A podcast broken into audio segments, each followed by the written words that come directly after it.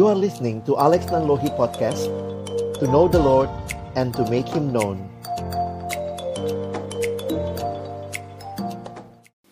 Mari sama-sama kita berdoa sebelum kita membaca merenungkan firman Tuhan. Kami datang dalam ucapan syukur malam hari ini Tuhan merayakan akan Paskah kebangkitan Tuhan. Kami bersama-sama bersyukur sebagai anak-anak Tuhan yang pernah menikmati indahnya persekutuan yang membangun, mendewasakan kami melalui pelayanan di kampus Universitas Indonesia. Kehadiran persekutuan oikumene yang Tuhan hadirkan, biarlah bukan sekadar sebuah nostalgia, tetapi benar-benar juga saat ini boleh kami nikmati dalam hidup kami sebagai orang-orang yang terus bertumbuh mengenal Tuhan. Kami rindu malam hari ini ketika kami akan membuka firman-Mu, bukalah juga hati kami, jadikanlah hati kami seperti tanah yang baik, supaya ketika benih firman Tuhan ditaburkan boleh sungguh-sungguh berakar, bertumbuh, dan juga berbuah nyata di dalam kehidupan kami. Berkati baik hambamu yang menyampaikan dan setiap kami yang mendengar, Tuhan tolonglah kami semua. Agar kami bukan hanya jadi pendengar-pendengar firman yang setia, tapi mampukan dengan kuasa pertolongan dari rohmu yang kudus. Kami dimampukan menjadi pelaku-pelaku firman-Mu di dalam kehidupan kami. Bersabdalah ya Tuhan kami umatmu sedia mendengarnya dalam satu nama yang kudus, nama yang berkuasa, nama Tuhan kami Yesus Kristus yang telah bangkit dan menang. Kami menyerahkan pemberitaan firman-Mu. Amin. Shalom, selamat malam, selamat Paskah. Bapak, Ibu, saudara-saudara yang saya kasih dalam Tuhan Yesus Kristus. Ada abang, kakak, teman-teman, dan juga mungkin adik-adik Tama-tama saya bersyukur kepada Tuhan buat kesempatan ini. Tuhan izinkan boleh melayani di dalam pelayanan alumni Universitas Indonesia. Mungkin banyak dari kita yang temu kangen ya malam hari ini dan bersyukur melihat bagaimana cara Tuhan memelihara kehidupan kita secara pribadi maupun secara bersama. Dari berbagai negara juga teman-teman boleh hadir, Bapak Ibu sekalian Nah, itu jadi satu sukacita dan juga berkat tersendiri di tengah-tengah pandemi yang masih belum selesai. Paskah kita rayakan sekali lagi. Dalam catatan sejarah yang saya coba cari, ternyata gereja baru merayakan Natal itu pada tahun 313 Masehi. Dan sebelumnya yang dirayakan oleh gereja purba adalah Paskah itulah sentral, pusat perayaan Kristiani.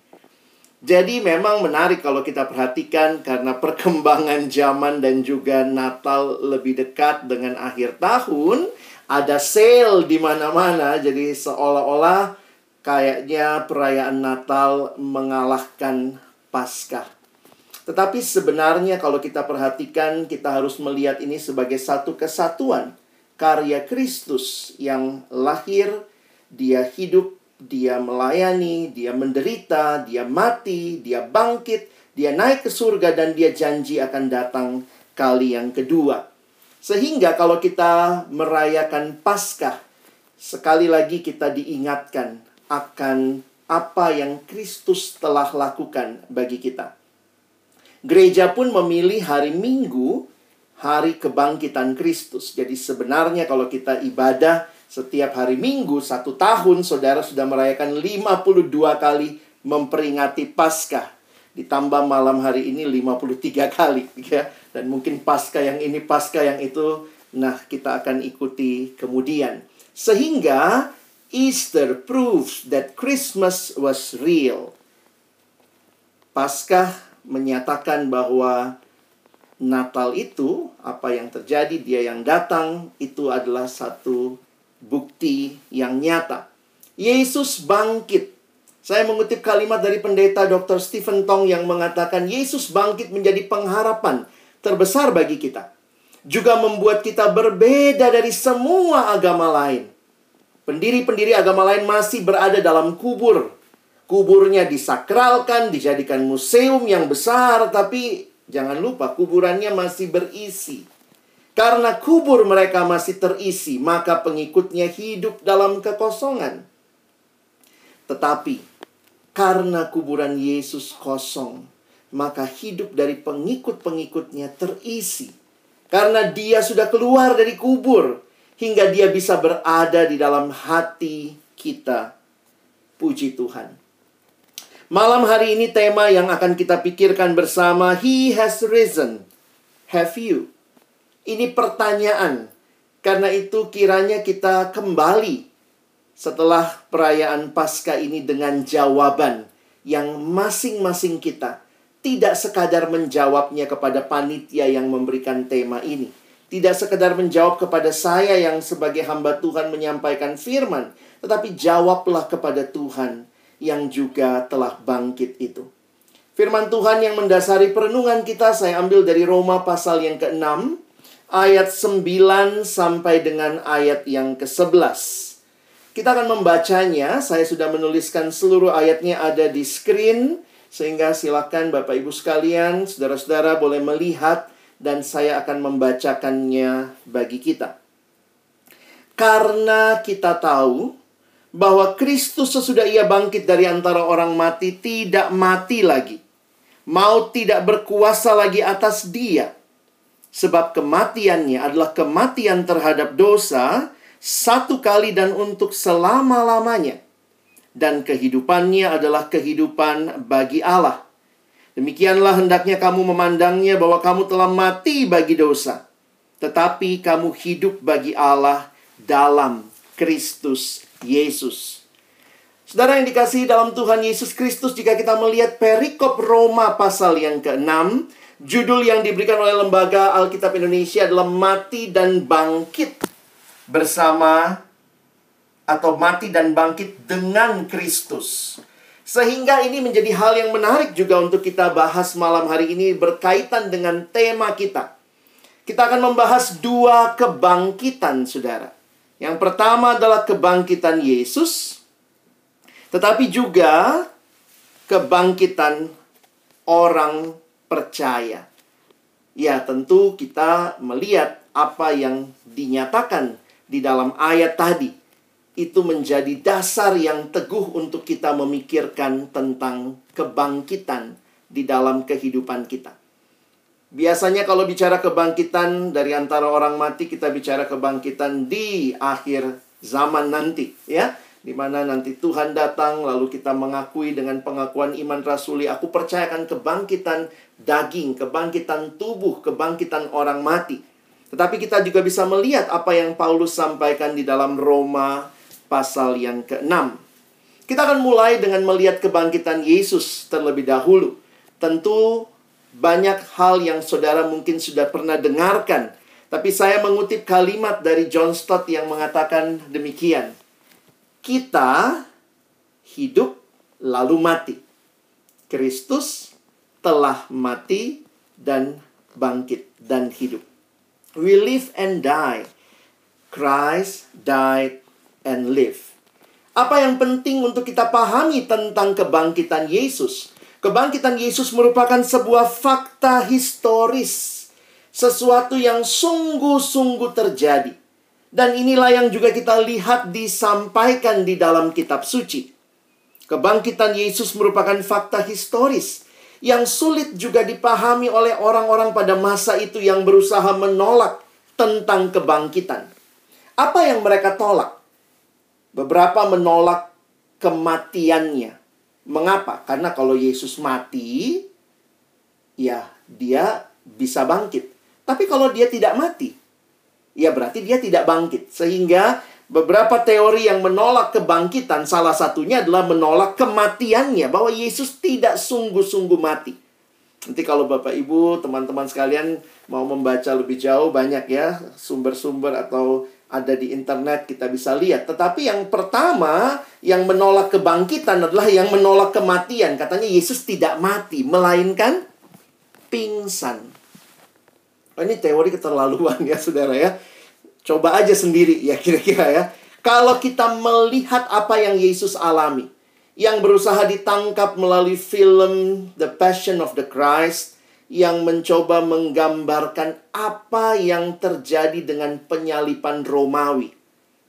Maka kita melihat bahwa yang disalib itu akan terlebih dahulu disesah dan itu adalah penyesahan yang tidak mudah, sangat menderita.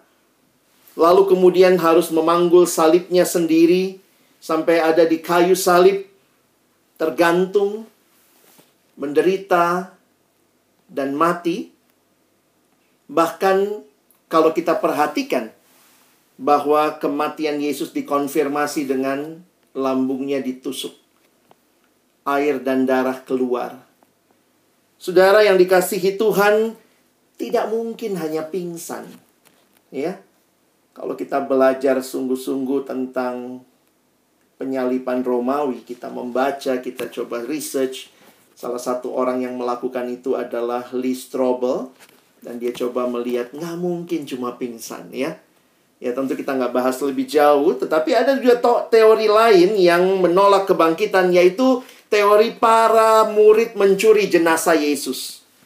Kalau kita perhatikan ini juga sudah terjadi sejak sejak masa itu ya ketika orang-orang prajurit Romawi mereka tidak bisa menjelaskan ketika terjadi gempa bumi dan akhirnya Eh, kubur Yesus terbuka dan mereka ketakutan, mereka datang kepada orang-orang yang imam-imam kepala dan mereka disuap untuk mengatakan bahwa murid Yesus mencuri jenazahnya. Jadi, ini sudah bukan teori baru, sudah lama ini. Silakan baca di Matius 28. Ya, intinya menolak kebangkitan. Nah, yang lain lagi, ini teori yang agak unik ya adalah teori salah kubur, saudara ya.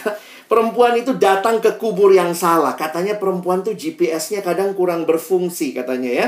Maaf yang perempuan. Tetapi itu yang kemudian digambarkan bahwa datangnya ke kubur yang salah. Makanya kosong kuburnya. Tapi nanti kalau kita baca lagi kita akan melihat di dalam setiap Injil jelas sekali dinyatakan. Dan yang dinyatakan adalah apa?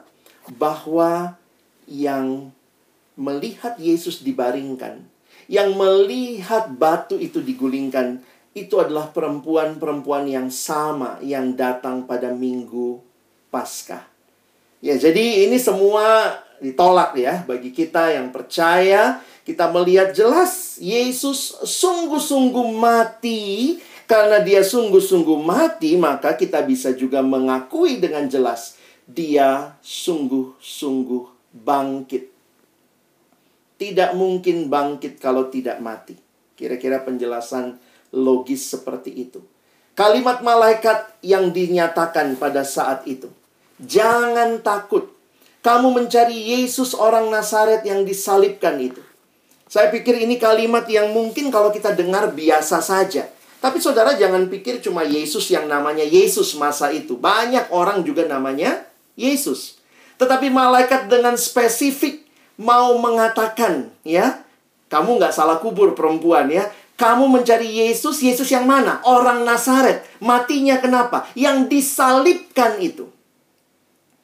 Kalimat malaikat menunjukkan dengan teliti bahwa ini adalah kubur dari Yesus, orang Nazaret yang disalibkan. Matinya bukan mati sakit, bukan mati karena tua, tetapi karena disalib ia telah bangkit, ia tidak ada di sini. Lihat, inilah tempat mereka membaringkan dia. Puji Tuhan, dia bangkit. Dan kebangkitannya ini juga memberikan satu keyakinan kepada kita bahwa karyanya di kayu salib itu diterima oleh Allah.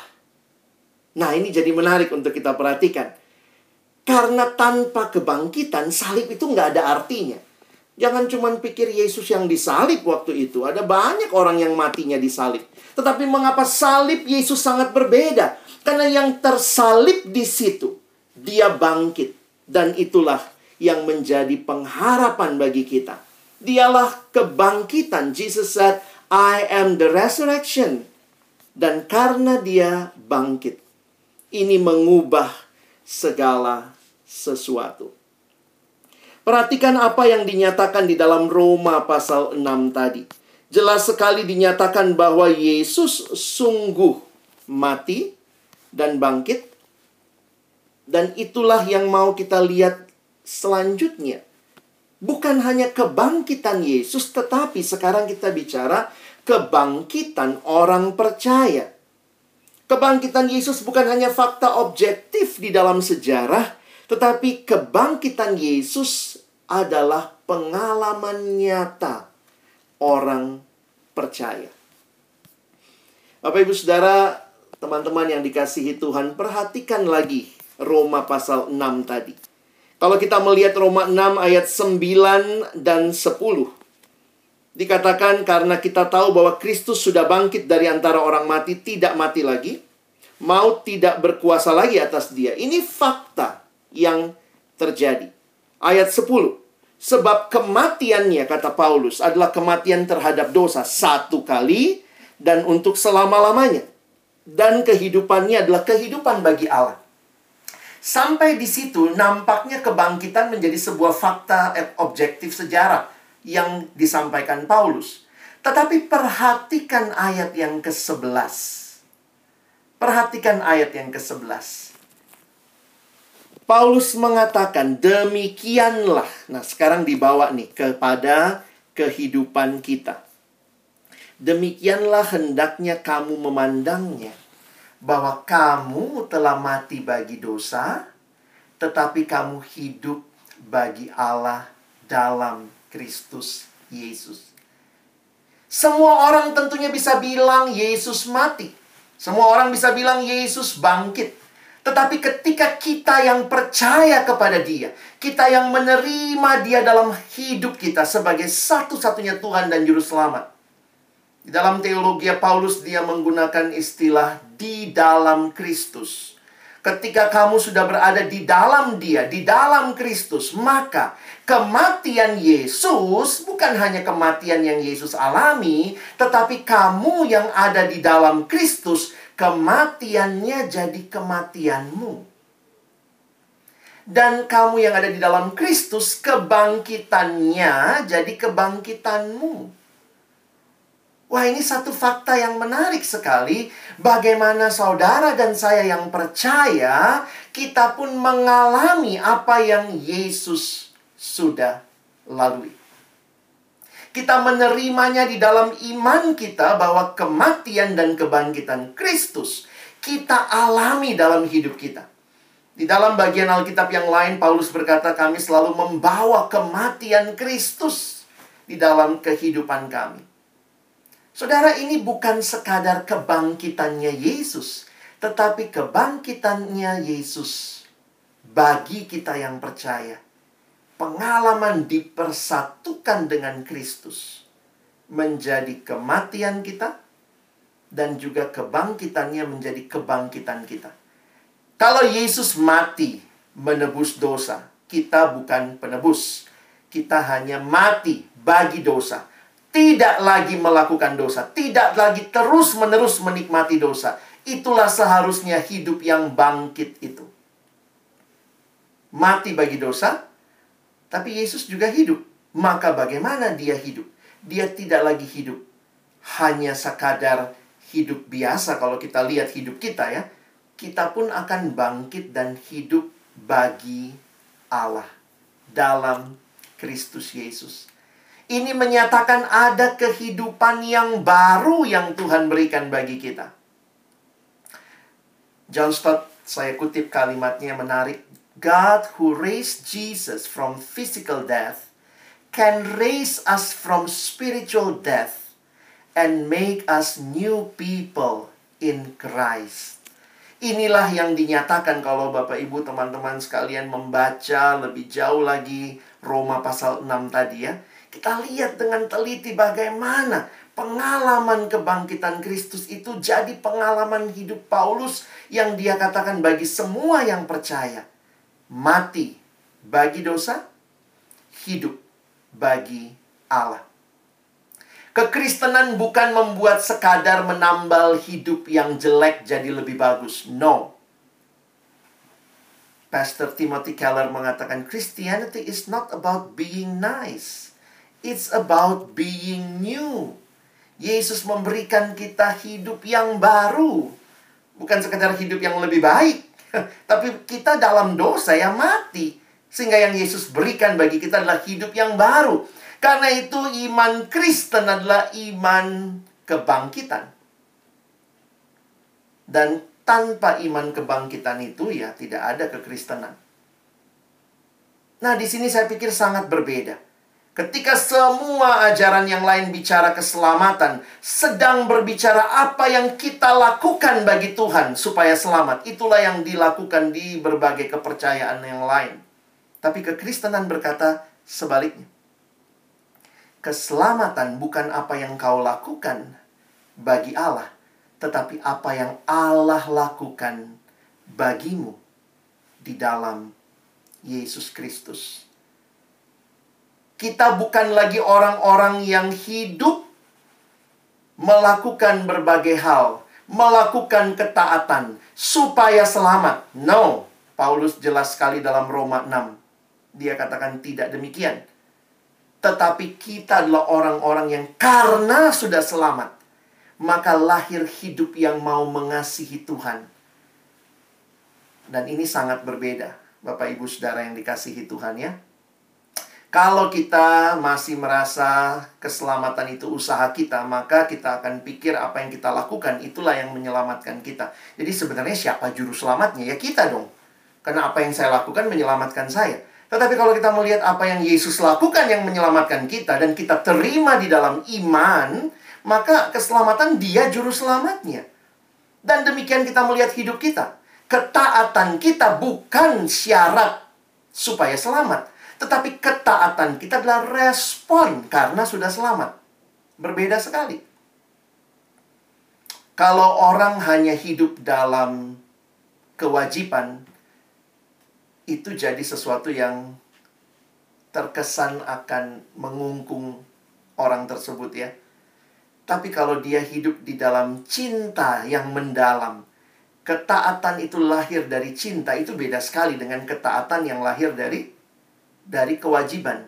Apalagi kalau tidak lakukan tidak dapat sesuatu ya.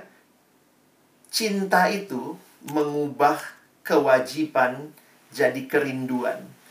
Pagi-pagi bangun baca Alkitab bukan lagi kewajiban. Oh kalau nggak baca Alkitab nanti nggak masuk surga. Berarti masuk surga gara-gara baca Alkitab. Bukan demikian. Kita selamat karena karya Kristus. Respon kita yang selamat. Harusnya rajin baca Alkitab. Jadi bukannya nggak dibaca Alkitabnya. Tetap dibaca. Tapi itu bukan syarat.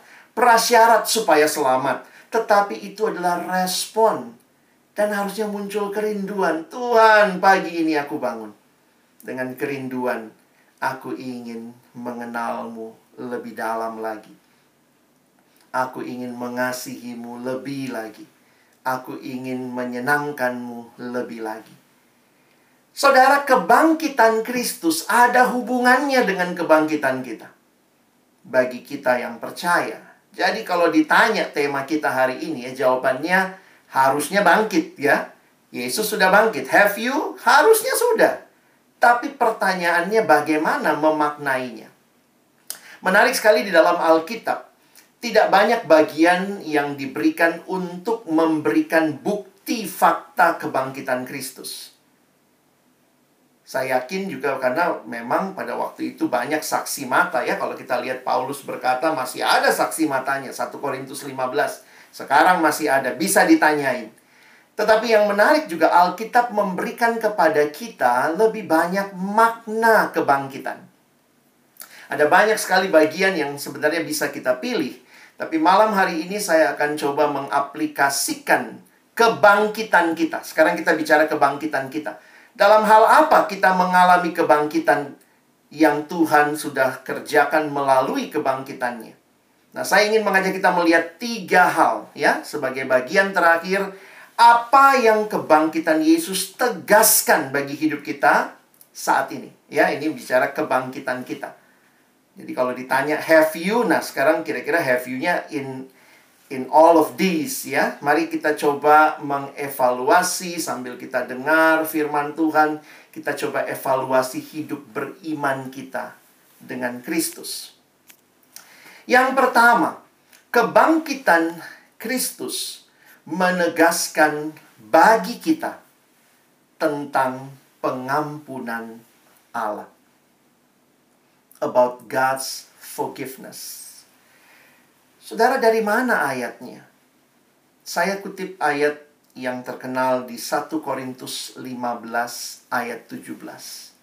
Kalimat yang Paulus sampaikan, dan jika Kristus tidak dibangkitkan, maka sia-sialah kepercayaan kamu dan kamu masih hidup dalam dosamu. Tentu kita sangat memahami bahwa upah dosa adalah maut. Semua manusia berdosa kehilangan kemuliaan Allah. Saudara, sebenarnya dosa itu pandemi yang sesungguhnya. Sin is the real pandemic. Kalau bicara corona, betul. Ini pandemi karena terjadi di banyak tempat di dunia. Tapi kan nggak semua kena. Ada yang kena, ada yang tidak. Tetapi waktu bicara dosa, bukan hanya di semua tempat terjadi, tapi semua orang. Sin is actually the real pandemic. Dan perhatikan kalau kita lihat hidup dalam dosa, ujung-ujungnya maut. Kalau Yesus hanya mati di kayu salib, tidak bangkit. Apa yang memastikan bahwa dosa kita diampuni? Bahwa karyanya di kayu salib itu menjadi karya yang diterima Allah. Saudara tidak bisa tutup mata bahwa Jumat Agung itu jadi agung karena ada Minggu Paskah. Iya ya? Kalau nggak ada Minggu Paskah, itu Jumat paling kelabu sepanjang sejarah. Karena ada orang yang mati di kayu salib, dia pikir dirinya juru selamat dan tidak pernah bangkit.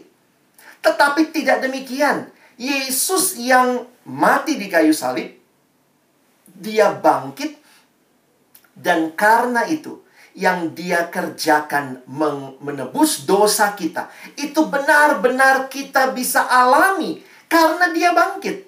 Kalau tidak, benar kata Paulus. Kalau Yesus nggak bangkit, kamu masih hidup dalam dosa. Karena berarti kurban Yesus belum cukup. Ketika Allah membangkitkan Kristus itu memastikan dosa kita ditebus, diampuni. Siang tadi saya pimpin Paskah di kampus saya ya. kampus FISIP. Sekarang FISIP gabung sama VIA. Karena Fakultas Ilmu Administrasi sudah jadi fakultas sendiri tadi paskahnya adik-adik mahasiswa di PJ, di Persekutuan Jumat. Dan waktu selesai, ternyata ada waktu tanya jawab. Unik juga ya, paskah ada tanya jawab. Jadi setelah itu, ada satu adik yang bertanya, Bagaimana saya bisa hidup sementara saya masih terus dibayang-bayangi oleh dosa lama saya? Yang membuat saya merasa Tuhan saya begitu berdosa dan setiap kali mau melangkah maju, saya selalu teringat dengan dosa itu. Bapak, ibu, saudara yang dikasihi Tuhan, God's forgiveness itu pasti ya dan amin karena karya Kristus dan karena kebangkitannya. Saya mengutip kalimat berikut. Pengampunan adalah salah satu kebutuhan mendasar manusia. Sebab realitanya setiap kita pasti punya aib. Ya ya di sini minimal satu atau dua ada aib terpendam berkaitan dengan apa yang pernah kita pikirkan pernah kita ucapkan atau pernah kita lakukan. Yang kemudian kita sesali dan membuat kita mulai merasa malu. Nurani kita hati nurani kita mengomeli menyalahkan bahkan menyiksa kita Bayangkan hidup di dalam hal seperti ini, betapa menyedihkannya. Kalau kita ingat betapa dosa-dosa kita yang lama, yang mungkin begitu menyakiti Allah, menyakiti sesama. Kalau itu tidak ada pengampunan, saudara, dan kita masih hidup di masa lalu, ngeri sekali. Tapi saya harus jujur mengatakan dari pertanyaan adik tadi, saya pun sadar mungkin banyak dari kita yang masih hidup di dalam masa lalu, dosa. yang tidak yakin Tuhan sudah menyelamatkan kita, tidak yakin bahwa dosa-dosa kita diampuni. Pertanyaan tadi dia tekankan kepada saya masih merasa bang, saya masih merasa kurang sesuai dengan apa yang Tuhan mau. Saya masih ditarik dengan dosa saya yang lama. Dan saya coba berikan jawaban.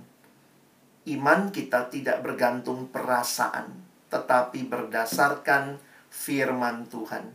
Ketika Kristus mati, Dia memberikan keselamatan bagi kita. Dan itu pasti, itu ya dan amin. Jika kita mengaku dosa kita, ia setia dan adil dan mengampuni segala dosa kita, menyucikan kita dari segala kejahatan. Jadi ini mendorong kita untuk menyadari bahwa hidup beriman kita adalah hidup yang berdasarkan janji Tuhan. Saya tidak tahu apa yang mungkin juga menjadi penghalang bagi saudara kalau sekarang kita bangkit, maka percayalah, yakinlah, kita juga bangkit dari dosa masa lalu yang sudah Tuhan ampuni. Kita pegang janji Tuhan. Kebangkitan Kristus memberikan kita hidup yang dimerdekakan dari rasa bersalah dan dari penghakiman Allah. Masih ingat upah dosa adalah maut? Tapi bagi kita yang percaya, maut bukan jadi cerita terakhir kita. Tapi karena Yesus bangkit, kita pun akan bangkit dan akan menerima hidup yang kekal di dalam Kristus. Saudara yang dikasihi Tuhan, saudara mau bangkit?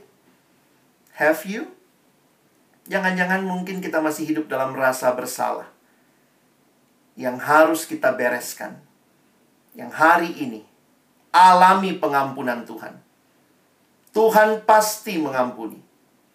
Walaupun mungkin, saya harus katakan, mungkin ada harga konsekuensi dari dosa yang harus kita tanggung. Ketika ada orang yang korupsi misalnya, kalau dia datang sama Tuhan, dia mengaku sungguh-sungguh di hadapan Tuhan, kita percaya Tuhan mengampuni. Tetapi mungkin konsekuensinya dia harus masuk penjara. Nah, itu bagian konsekuensi dosa yang kita tanggung saat ini.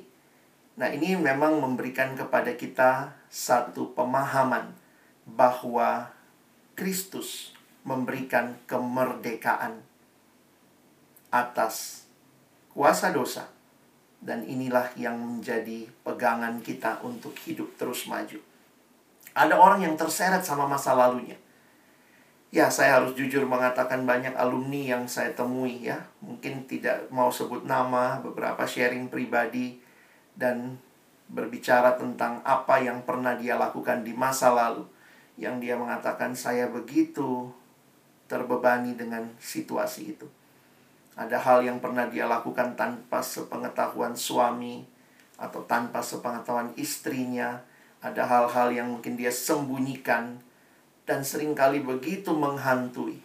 Karena nggak ada yang tahu, tapi Tuhan tahu. Tapi ketika kebangkitan dialami. Biarlah kita pun meyakini akan pengampunan Allah yang sempurna. Saudara, pengampunan Allah itu bicara relasi. Karena status tidak berubah. Sekali anak kan kita tetap anak.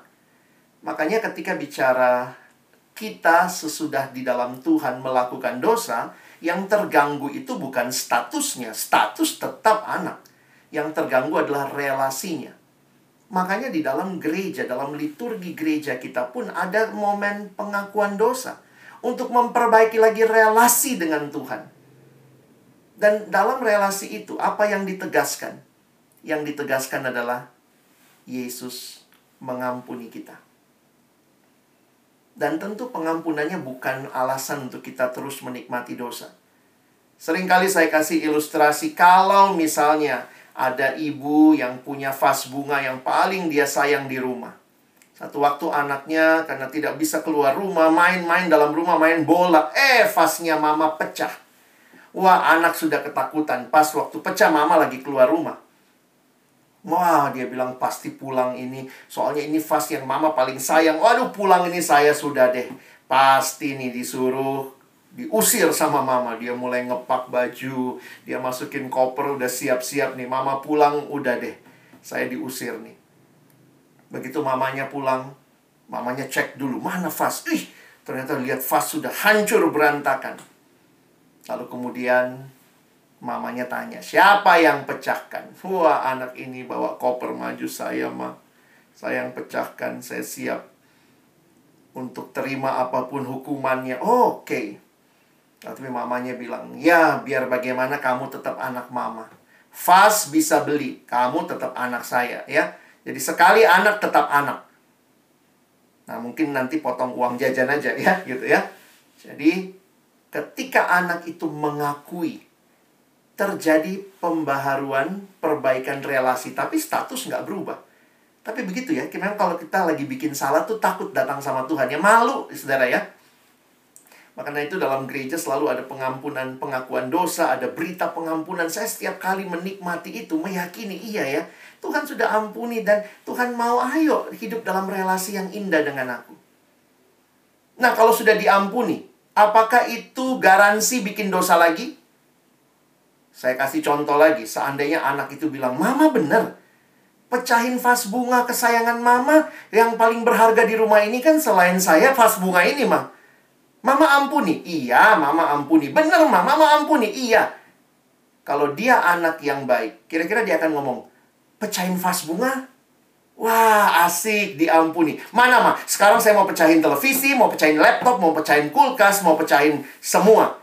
Kalau anak seperti itu, itu anak kurang ajar. Jadi kalau orang bilang asik banget orang Kristen ya, habis diampuni bisa terus bikin dosa. Itu nggak ngerti pengampunan. Pengampunan bukan surat izin melakukan dosa lebih banyak, tetapi mengingatkan kita betapa Tuhan sudah memberikan segalanya bagi kita. Mari kita hidup memberikan segalanya bagi Dia. Saudara, jangan hidup di masa lalu, tapi hiduplah dalam kasih pengampunan Tuhan yang membuat kita makin hari mau hidup menyenangkan Tuhan. Yang kedua, God's power, kuasa Allah. Nah, ada beberapa slide nanti saya lewati saja, tapi saya pinjam penjelasannya Bapak John Stott ya. Beberapa penjelasannya indah-indah, saudara ya. John Stott bilang begini, coba lihat tentang kuasa Allah. Kebangkitan Yesus memastikan ada kuasa Allah. Nah, di perjanjian lama, kuasa Allah itu dinyatakan di mana?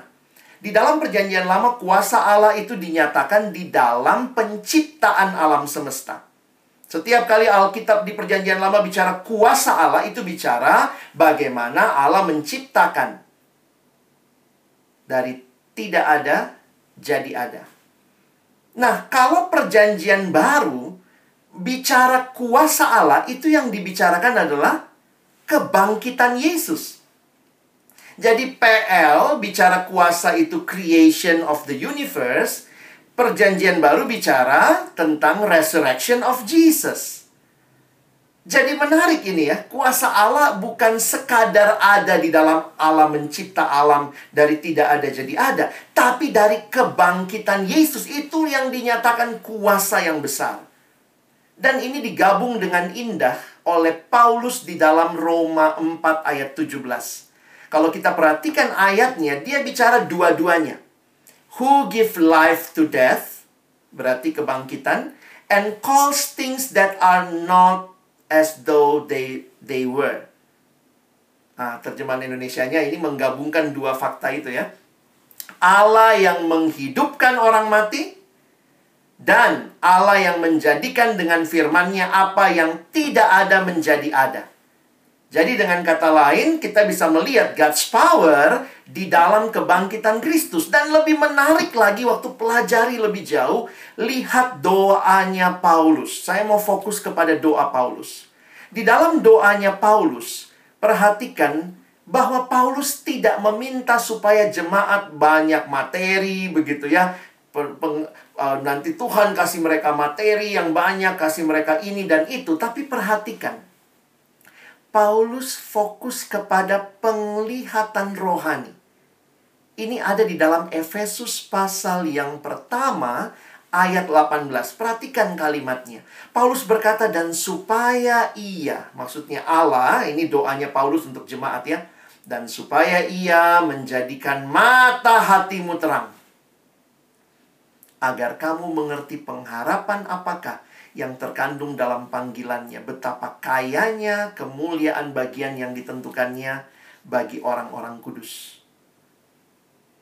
Dalam doa ini, Paulus tidak meminta Allah memberi mereka apa yang tidak mereka miliki. Tetapi begini, Paulus berdoa agar Allah menyatakan kepada orang percaya apa yang telah mereka miliki. Bukan apa yang mereka tidak miliki, tapi apa yang sudah mereka miliki. Makanya kalau kita perhatikan, di dalam Roma pasal 8, kalimatnya menarik. Dan jika roh dia yang telah membangkitkan Yesus dari antara orang mati diam di dalam kamu, maka ia yang telah membangkitkan Kristus dari antara orang mati akan menghidupkan juga tubuhmu yang fana itu oleh rohnya yang diam di dalam kamu. Secara sederhana Paulus mau bilang begini. Roh yang bangkitkan Yesus dari antara orang mati, roh yang sama itu dikasih Tuhan waktu kita percaya kita dilahir barukan. Roh itu yang bangkitkan Yesus tuh ada dalam dirimu. Ya, kuasa Allah yang luar biasa, pribadi Allah yang diam dalam hati setiap kita yang percaya.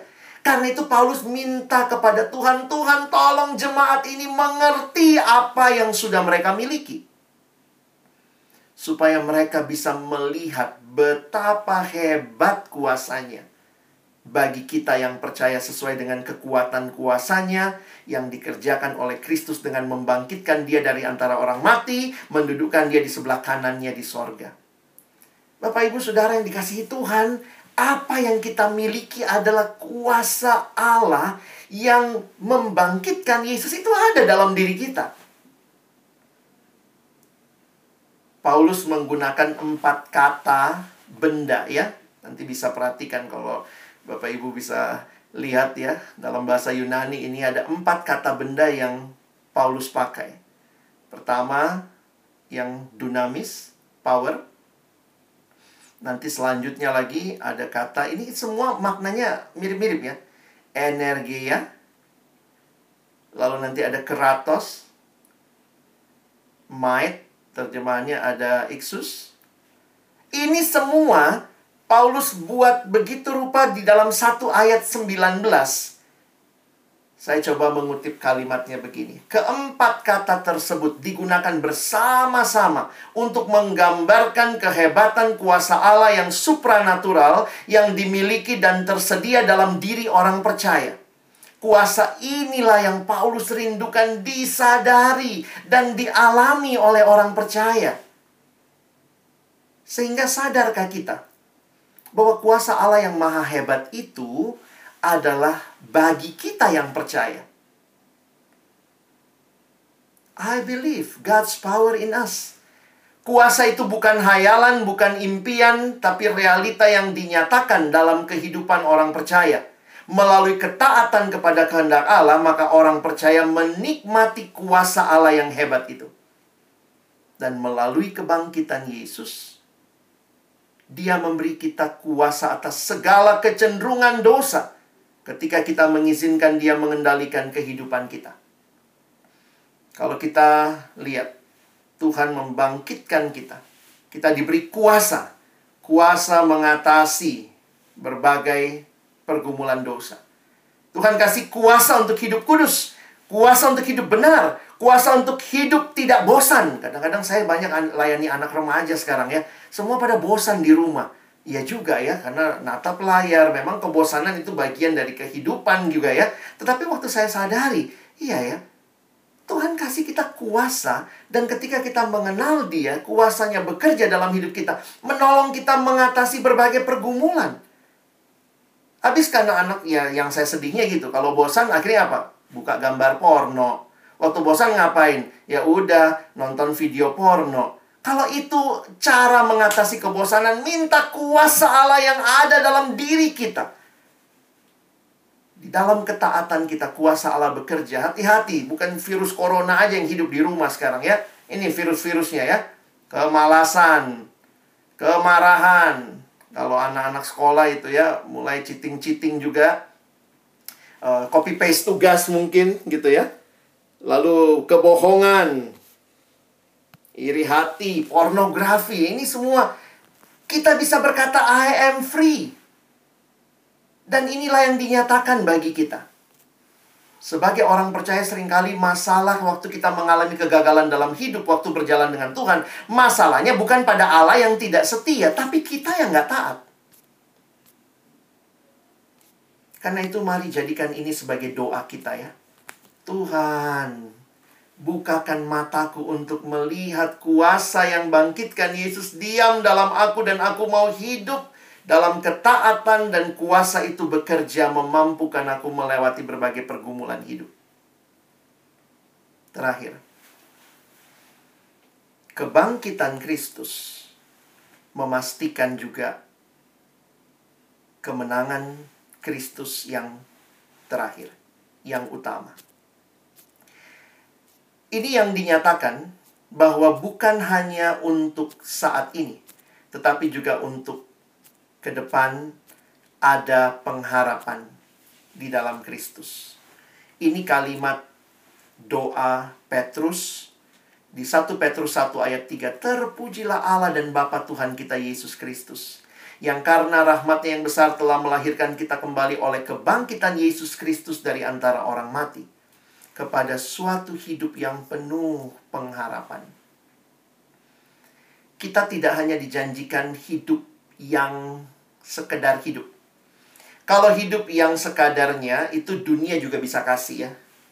Kadang-kadang saya pikir sekarang ini kan pengharapan sejati kita apa ya? Vaksin, vaksin ya, nunggu vaksin, sudah divaksin begitu. Tapi jujur aja, kalau kalau ternyata hidup itu pengharapannya cuma vaksin, itu dunia bisa kasih, AstraZeneca bisa kasih, China bisa kasih itu buat kita. Nggak butuh Yesus.